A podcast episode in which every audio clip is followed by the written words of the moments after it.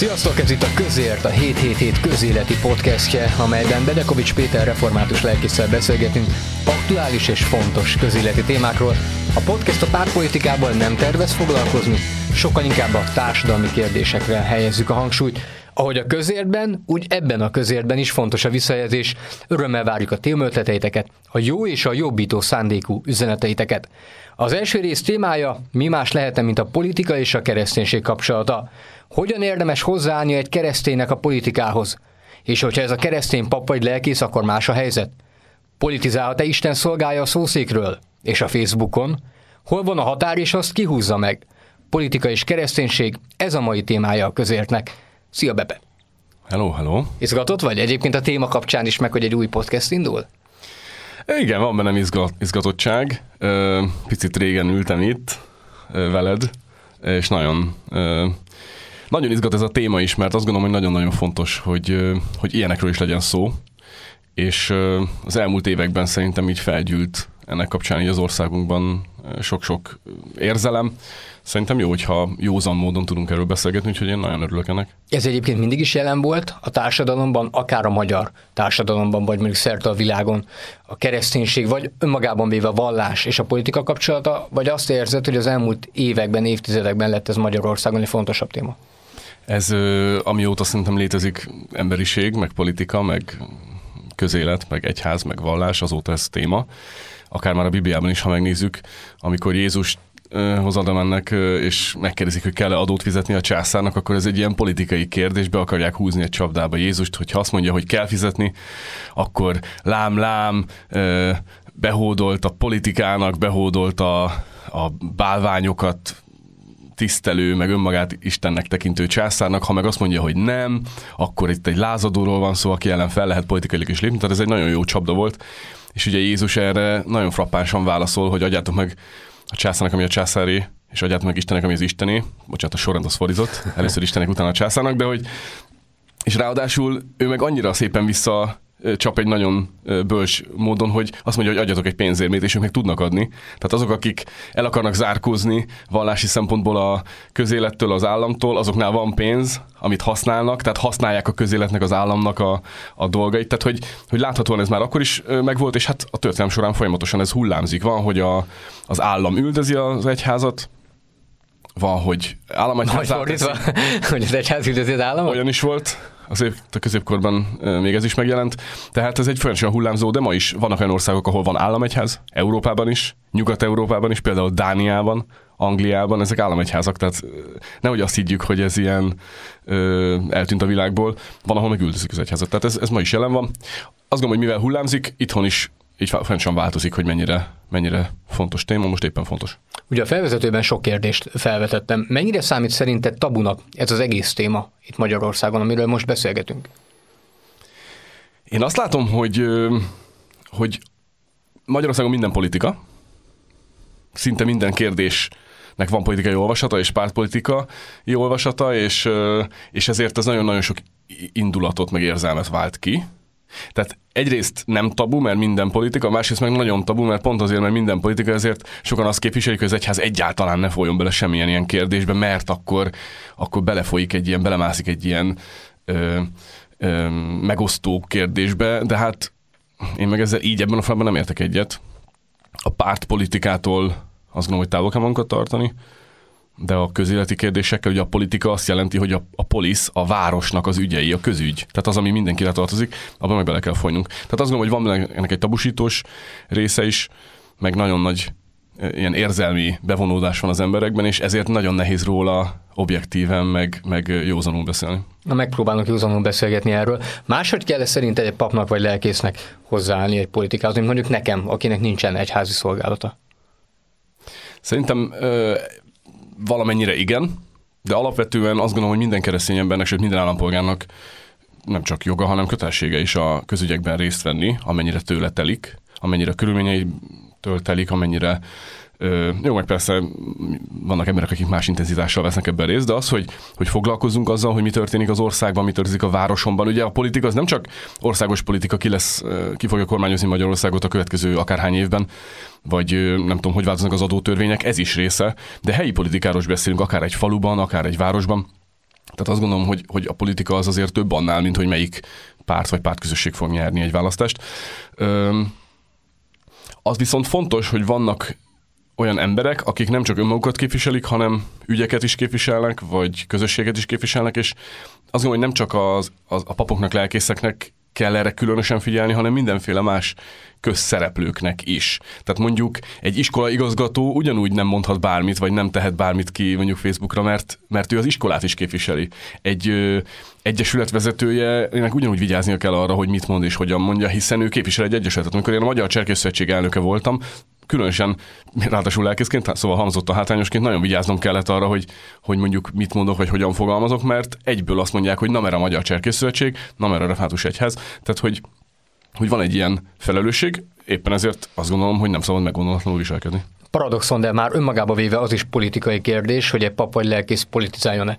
Hogyan látod? Inkább a nyájat zavarja, hogyha a lelkész vagy pap politizál, akár a magánéletében, akár a szószékről majd beszélünk erre a kettőnek az elválasztásáról, vagy inkább azokat zavarja, akik mondjuk nem is hívők, csak azt gondolják, hogy mondjuk az egyház belefolyik a politikába.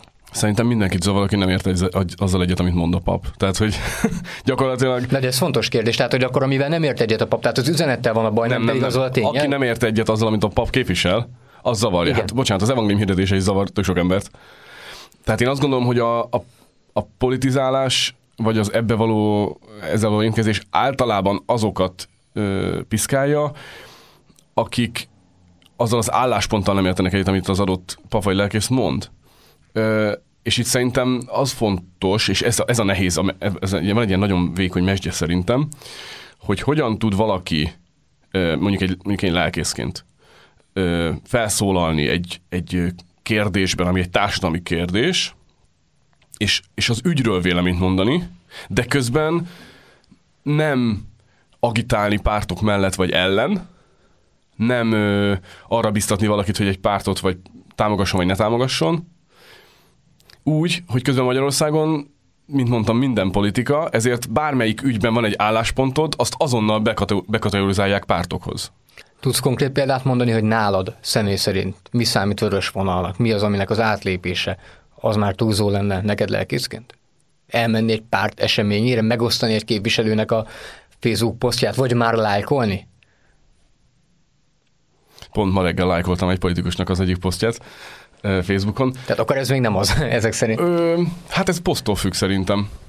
Tehát mondjuk egy, egy pártlogóval ellátott posztot már nem lájkolnék, meg nem osztanék meg, de azért, mert valaki politikus, hogyha, tehát csak azért, mert valaki politikus és megoszt valamit, az engem egyáltalán nem, nem zavar, hogyha az ügy olyan, akkor azt én simán megosztom újra, vagy éppen. Tehát ma például pont azt lájkoltam, hogy egy, egy politikus Budapest főpolgármesterének írt egy levelet, arról, hogy most meghalt egy, egy fontos tudós, és hogy azt kéri, vagy hogy azt képviselje a főpolgármester, hogy legyen Budapest díszpolgára posztumusz. Azt gondolom, hogy ez egy pártsemleges ügy, ez egy nagyon fontos kérdés, vagy én nekem tetszik, szimpatikus. Azt gondolom, hogy fontos az, hogy ismerjük el azokat, akik közöttünk értékteremtő munkát végeztek, és, és ezért akármelyik oldalról bármilyen politikus posztolta volna ezt, én ezt szívesen lájkolom. Engem nem érdekel, hogy ebben az esetben, hogy melyik, melyik oldal, vagy ki. ki én, én, még tapogatóznék itt ennél a vörös vonalnál, hogy akkor tudsz olyan konkrét példát mondani, ami mondjuk itt volt a 2022-es kampány. Hol húztad meg azt a vonalat, amit úgy gondoltad, hogy ízléses? Kampányidőszakban semmit nem osztok meg, és nem lájkolok, ami, ami politikához kapcsolódó, mert azt gondolom, hogy az, az egy nagyon intenzív időszak, és nagyon érzékeny időszak. Tehát ott én csak magánbeszélgetésekben ö, fejtettem ki ilyen, kapcsán, ilyen téma kapcsán a véleményemet. Ö, nem, nem, ö, vagy, vagy általános mondjuk azt, hogy arra biztatom az embereket, hogy gondolkodjanak, keressék a, a különböző pártoknak a programjait, véleményeit, gondolják végig a saját értékrendjük szerint, és azt szerint tudatosan döntsenek. Ezt mondjuk még szószékről is elmondtam, hogy, hogy, hogy ő maga vállalja föl keresztényként azt a felelősségét, hogy, hogy igenis Magyarország állampolgáraként van ebben, ebben döntési joga. Az, hogy, hogy kifelé tendáljon, vagy ilyesmi, annak még ráutaló magatartás se, tehát nagyon törekszek arra, hogy ne tegyek. Mondom még egyszer, a kampányidőszak azt hiszem egy nagyon-nagyon különösen érzékeny időszak. Ezen kívül azt gondolom, hogy, hogy hát nehéz. Tehát mondom, hogy ha, ha van rajta mondjuk valamilyen pártlogó, azt én igyekszem kerülni. Most nem állítom azt, hogy soha nem fordulhatott elő, hogy lájkoltam ilyet, de azt mindenképp kerülöm. Eleve párt rendezvényeket kerülök, ö, közéleti rendezvényeket, ahol vannak politikusok is, és egyébként ö, egyfajta pártfüggetlen dolog, azt meg simán. Tehát, hogy itt, itt, itt igen, tehát azt gondolom, hogy talán a párt a pártosi, pártosodás megjelenése talán valami vörös vonal nálam. Ugye itt az a dilemma kerül elő, hogy szét lehet-e választani Bedekovics Pétert magánemberként Bedekovics Péter református lelkésztől? Nem, nem lehet, de csak azért, mert én integránsan egy személyiség vagyok, és a véleményem az megvan, nem jelenti azt, hogy ezt a véleményt minden körülmények között bármilyen formában képviselem. De hogyha, ne, de hogyha nem lehet szétválasztani, és megfordítjuk, akkor az is elvárható lehet, hogy az a Bedekovics Péter, aki magánember ként gondol valamit a politikáról, azt elmondja a nyájának is, nem? Tehát, hogyha mert most megfordítjuk a helyzetet, és elvárják azt, hogy magánemberként te mondjuk evangelizálsz, akkor miért ne lehetne az, hogy mondjuk református lelkészként pedig közéleti kérdésekben megszólalsz? Abszolút megszólok közéleti kérdésekben, szoktam is, akár prédikációban is. Azt gondolom, hogy a között van különbség, hogy én a véleményemet hogyan mondom el. Tehát amikor mondjuk egy kampány időszak van, egy választás előtt állunk, és én mondjuk szószékről azt mondanám, hogy én a most próbálok olyan szint mondani, ami Magyarországon nincs párthoz kötve, de nem, nem tudok ilyen szint. Én a szürke pártot támogatom, mert az ő programjuk a legjobb, ő az ő vezetőjük a leghitelesebb, nem tudom ki, ők, ők fogják irányba kormányozni az országot. Azt gondolom, hogy ez egy olyan ö, elég, elég könnyű ezt tehát ez egy, ezzel azt akarom, valószínűleg azért teszem, mert befolyásolni akarom azokat, akik ott ülnek. Azt gondolom, hogy ez nem helyes. Tehát de, pártra, de amikor a Facebookra kiposztolod, akkor is befolyásolni akarod. De én nem posztolom ki Facebookra sem. De vannak, akik meg igen. Értem. Nem tartom helyesnek. Azt gondolom, hogy, hogy ha én, tehát én arra hívom fel az emberek figyelmét, akármilyen felületen, Facebookon, Instagramon, prédikációban, bárhol nyilvánosan, hogy ők tudatosan gondolkodjanak, és akár ö, szempontokat adok, hogy szerintem mit érdemes megnézni. Például arról beszéltem nyilvánosan, hogy szerintem mindenképp egy kereszténynek mindenképp át kell gondolni azt, hogy, hogy ha támogat egy ö, pártközösséget vagy pártot még a választásokon, hogy lehet-e olyat támogatni, aki mondjuk keresztény ellenes megnyilvánulásokkal rendelkezik. Szerintem nem lehet. Kérdés, hogy van olyan párt, amelyik nem rendelkezik ilyennel, de hogy, vagy, vagy, vagy mennyi ilyen van, de hogy, hogy szerintem ez például egy fontos szempont, de én nem azt mondtam, hogy ne szavazzon olyanra, aki ilyet tesz, hanem hogy gondolja végig, hogy ő keresztényként fel tudja azt vállalni, hogy olyan közösséget támogat, aki mondjuk keresztény ellenes. Tehát szempontokat szerintem mindenképp érdemes adni, vagy fontos is, sőt, kötelességem.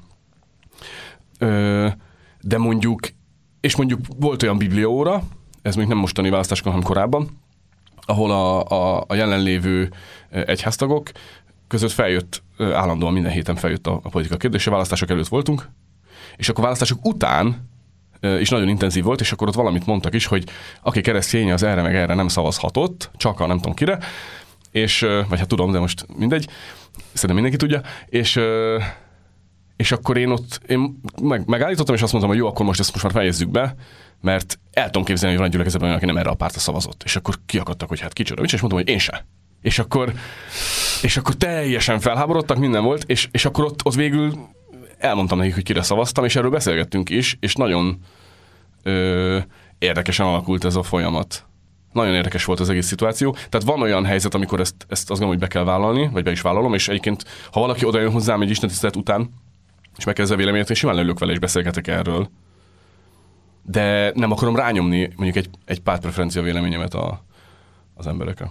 Ugye alapvetően felmerül a kérdés, hogy azért is beszélünk erről, mert hogy az egyház az valamilyen átlagos dolgok felett álló magasztos dolognak képzeljük, míg a politika megítélése Magyarországon, és ez nem 2023-as fejlemény, hanem amióta én élek évtizedek óta így van, az nem a legjobb. Tehát, hogy itt valami szent dolgot sározunk össze akkor, hogyha politizálunk mondjuk egy házi perkeken belül, legalábbis sokan így gondolják. Te mit gondolsz erről? Hát azért, ha megnézzük a, a különböző kutatásokat, akkor a Magyarországon a papok lelkészeknek a, a bizal, tehát hogy mennyire bíznak meg az emberekben, azért nem olyan magas. Most nem emlékszem pontos számokra, de, de úgy rémlik, hogy az alsó harmadban van, de legalább az alsó felében. Tehát egyáltalán nem gondolnám, hogy egyébként olyan óriási különbség van az átlagembereknél a politikusok és a papokról szóló véleményben, mondjuk megbízhatóság kapcsán, ami szerintem egyébként valahol ö, szomorú, valahol meg amúgy jogos, mert hát miért ne lehetne egy politikusban megbízni? Tehát én nem gondolom azt, hogy a politikusok mind hazudnak, csalnak, lopnak és hatalommániások. van köztük sok, aki ilyen, mint ahogy azt se gondolnám, hogy a papok lelkészek összes, az összes pap és összes lelkész szent lenne, mert van köztük másfajta is. Tehát, hogy ezek szerintem nem ennyire ö, egyetemű dolgok. Az biztos, hogy a keresztények ö, nagyon helyes módon az egyházról, vagy a saját egyházukról legalábbis, vagy az egyházakról azért ö, egy erősen ö, pozitív véleménnyel vannak, én is így vagyok, azzal együtt is, hogy látjuk a hibákat, tehát nem gondoljuk, én nem gondolom azt, hogy az egyházak tökéletesek lennének, egyáltalán nem azok, de azt gondolom, hogy az, amit képviselünk, az a hit, amit képviselünk, az a hitvallás, amit képviselünk, az az Isten, akit képviselünk, viszont tökéletes. Tehát innentől kezdve, ha mi tökéletlen is képviselünk valamit, de amit képviselünk, az tökéletes, akkor azért ott, ott van egy erős um, ez egy erős, erős jelenség, és ehhez képest a politikai pártok nem képviselnek tökéletes álláspontokat, azt gondolom. És most nem csak etikai, meg gyakorlati kérdésekről beszélek, hanem elvi kérdésekről is. És itt van szerintem a, a kutyállása, hogy hogyha valaki összekeveri a, a párt ö, irányvonalakat ö, vallással, vagy tanítással, egyházi tanítással, ott van szerintem probléma.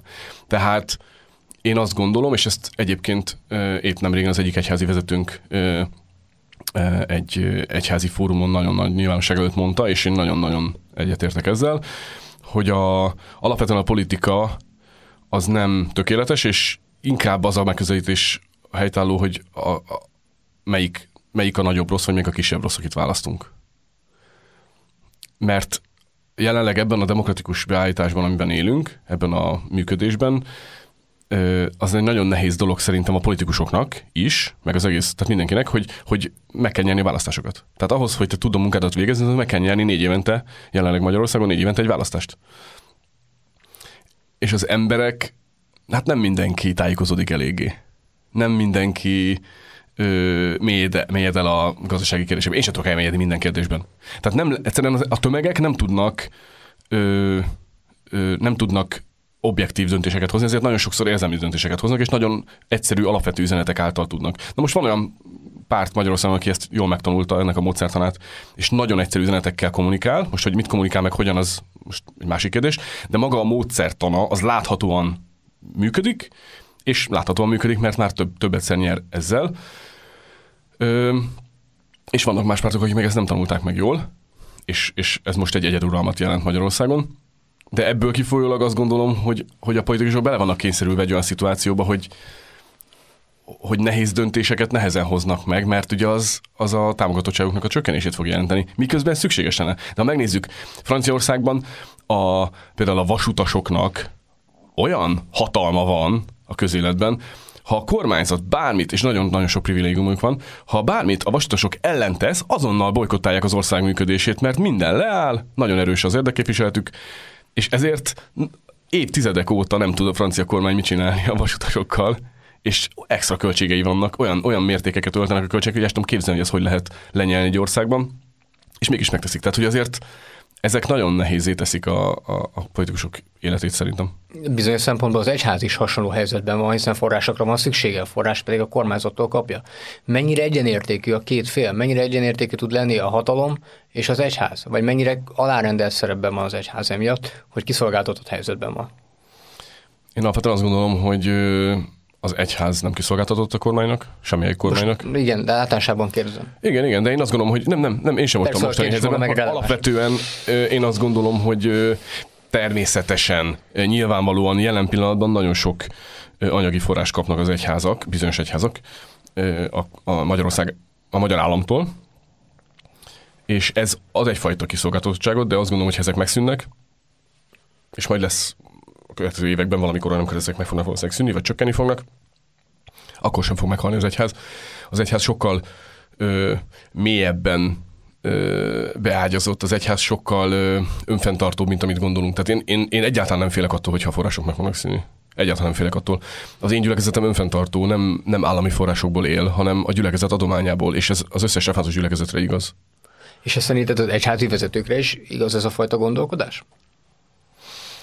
Én úgy látom, hogy, hogy most én a saját egyházamot tudok beszélni, hogy alapvetően igen. Én szerintem mi tisztában vagyunk azzal, hogy az, az egyházunk önfenntartó, azzal is, hogy nem minden gyülekezet önfenntartó jelenleg, nem minden gyülekezet tudja ezt garantálni, például nem tudom, lelkészt fenntartani, templomot fenntartani, főleg jelenlegi rezsijárakkal, de ez egy hosszú folyamatnak az következménye, nem pedig egyik napról a másikra. És ezt igazából nem, szerintem jelentősen nem befolyásolja a jelenlegi forrásoknak a kérdése. Max annyiban, hogy most pár évig különböző lehetőségei vannak az egyháznak arra, hogy például a, a lelkész fizetéseket kiegészítse. Ez most elodázódik az, ami amúgy is megtörtént volna már pár éve, vagy meg fog történni pár év múlva, hogy, hogy, hogy be kell zárni majd bizonyos gyülekezeteket, mert nem lesz lelkész. Visszatérve az egyház és a politika kapcsolatára, szerinted az evangelizálásnak inkább akadálya, vagy része a politika és a közélet? Azt gondolom, hogy ez egy ilyen kulcskérdés, és nem, nem tudok rá tökéletes választ adni, ez biztos. Mondjuk semmire sem tudok tökéletes választ adni, de erre biztos nem. De ketté választanám. Az egyik az, hogy tehát a párt, pártok mellett való kampány, egyházi személyek által, az biztos, hogy káros. Én ebben százszerűen biztos vagyok. Tehát azt gondolom, hogy ha valaki nyilvánvalóan, nyilvánosan párt vagy pártok mellett vagy ellen áll ki, egyházi személyként, és egyébként ez nem csak lelkészek és papok, ez laikus vezetők is akár, tehát mondjuk egy, nálunk egy presbiter vagy főgondnok, akiről mondjuk úgy tudni lehet, hogy az, biztos vagy benne, hogy, hogy ez káros a, az evangelizációra. A közéletben való jelenlét viszont szerintem hasznos az evangelizációra. Tehát például most a saját püspökömmel, hogy például azok Balogh Zoltán, aki egyébként ugye jó néhány évig politikus is volt, elég magas feladatokkal, az látszik, hogy az ő közéletbe való jelenléte hatással volt elég nagy létszámú politikusra, és, és a, a, mondjuk a, a politikusok körül lévő munkatársakra. Hadd kérdezzek egy, egy közbevetés. És ha, pozitívan is. Tehát, ha, hogy konkrétan tök sokan hitre jutottak és megtértek. Balogh Zoltán kivel készült interjú a hét héten, én magam készítettem. Ha nem lett volna miniszter, akkor is református püspök lenne? Erre nem tudok válaszolni. Szerintem egyébként igen. Én, én úgy tudom, hogy az ő neve már korábban is felmerült. Ez pont egy izgalmas felvetés, amiről eddig beszélünk, az egyház és a politika ráhatására az egyház. Abban biztos vagyok, hogy a jelenlegi körülmények között ö, előnyére vált, hogy miniszter volt, hiszen nagyon sokan ismerik. Tehát azért nálunk, amikor püspök választás van, az az igazság, hogy itt van két dolog. Van egy elmélet, amit én, most nálunk idén egyébként a helyi szinten lesznek választások, tehát presitereket fogunk választani októberben, és itt is felmerül a kérdés, Alapvetően sokszor állítják lelkészek is, hogy a református egyház demokratikus, de én ezt tagadom. Szerintem nem demokratikusan működik, akkor se, hogyha úgy tűnik, mintha úgy működne, hiszen van egy, egy választási rendszer, ami alulról építkezik, hanem teokratikus. Ez azt jelenti, hogy nem az a választásnak az alapja, hogy az emberek milyen, mit gondolnak a másikról, hanem elkérjük Istentől az ő véleményét, és azt közösen megérti a közösség, és ezt fejezi ki a, a döntésben ez az elmélet. A gyakorlat viszont az, hogy nagyon sok gyülekezetünk erre nincs felkészülve, nagyon sok eh, helyen a tanítás ebben, ebben gyengébb. A gyakorlat az az, hogy igenis, akit ismerünk, azt megszavazzuk, megválasztjuk. És a püspökválasztásnál ez keveredik. Vannak igenis közösségek, akik, akik nagyon sok imádsággal, bőjtöléssel Istentől elkérik a, a döntést, és úgy szavaznak, úgy dönt a közösség, és vannak, akik meg az alapján, hogy melyiket ismerik. És igen, ebben az értelemben, ha egy valaki szuper püspök lenne, de nem ismerik az egyházunkban eléggé, akkor nem fog elég szavazatot kapni, tehát nem lesz püspök. Ilyen értelemben, ha valaki miniszter volt, akkor ő elég ismert. De el kell mondjam, hogy a, aki a másik jelölt volt, ő meg egy egyetemi professzor, a Károlynak a korábbi rektora, gyakorlatilag ugyanannyira ismerték az, az egyházban. Tehát azt gondolom, hogy, hogy annyira meg mégsem. Ebben az esetben ez a fajta miniszteri háttér biztos, hogy számított, de azt gondolom, hogy itt inkább az ismertség volt a kérdés, és és ebben nem volt óriási hátránya a másik jelöltnek sem. Mind a mellett, hogy jegyezzük meg politikától függetlenül, hogy Balogh Zoltán személye azon politikusok egyike, aki nem megosztó, hanem kimondottan tud kommunikálni és szót érteni másokkal, és akár csak az interjúra gondolok is, tehát egy olyan, olyan karakter, aki, aki mondjuk politikai nézettől függetlenül nyilatkozik, nyilatkozott már miniszterként is, és azt gondolom, hogy integrálni képes személy. Igen, és azt kell mondjam, én ezt itt nyilvánosan is, én egy picit tartottam attól, hogy mi lesz abból, hogy ő püspök lesz, hiszen van egy politikai háttere, erősen párthoz kötődő is. Azt mondom, hogy nem volt pártag, de ettől még, ettől még ez, ez meghatározó. És most már két éve püspök, de abszolút mérhetetlenül pozitív a, a csalódásom. Tehát messze menőkig ö, minden félelmem eltűnt ennek kapcsán, amit ő benne, vagy az ő személye kapcsán én előre gondoltam, hogy lesz probléma. Ugye, ha jól tudom, a református lelkészek betölthetnek civil, sőt nem, nem csak civil, hanem közéleti szerepeket is, például polgármesterek is lehetnek, hogyha minden igaz, jól tudom? Aktív lelkész nem lehet polgármester, tehát ha valaki polgármesternek indul, akkor a lelkészi szolgáltat fel kell függesztenie. Alpolgármester már lehet. Tehát alpolgármester is az alatti szint lehet. Polgármester, országgyűlési képviselő nem lehet, pártag sem lehet lelkész.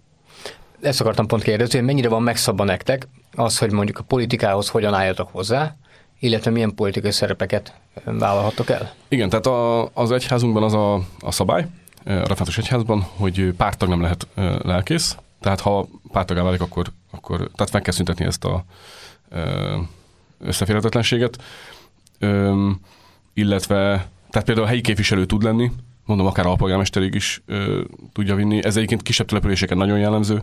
Tehát van egy kis település, mondjuk egy, egy falu, pár ezer fős falu, ott nagyon bevett az, hogy a lelkész benne van a képviselőtestületben, de hát, miért, hát természetes dolog, hogy benne van. Azt gondolom, hogy egy településnek a vezetésében azok vannak benne, akik a település közösségeinek a vezetői, és a, gyülekezetek általában a, a legjelentősebb közösség, vagy azok egyike.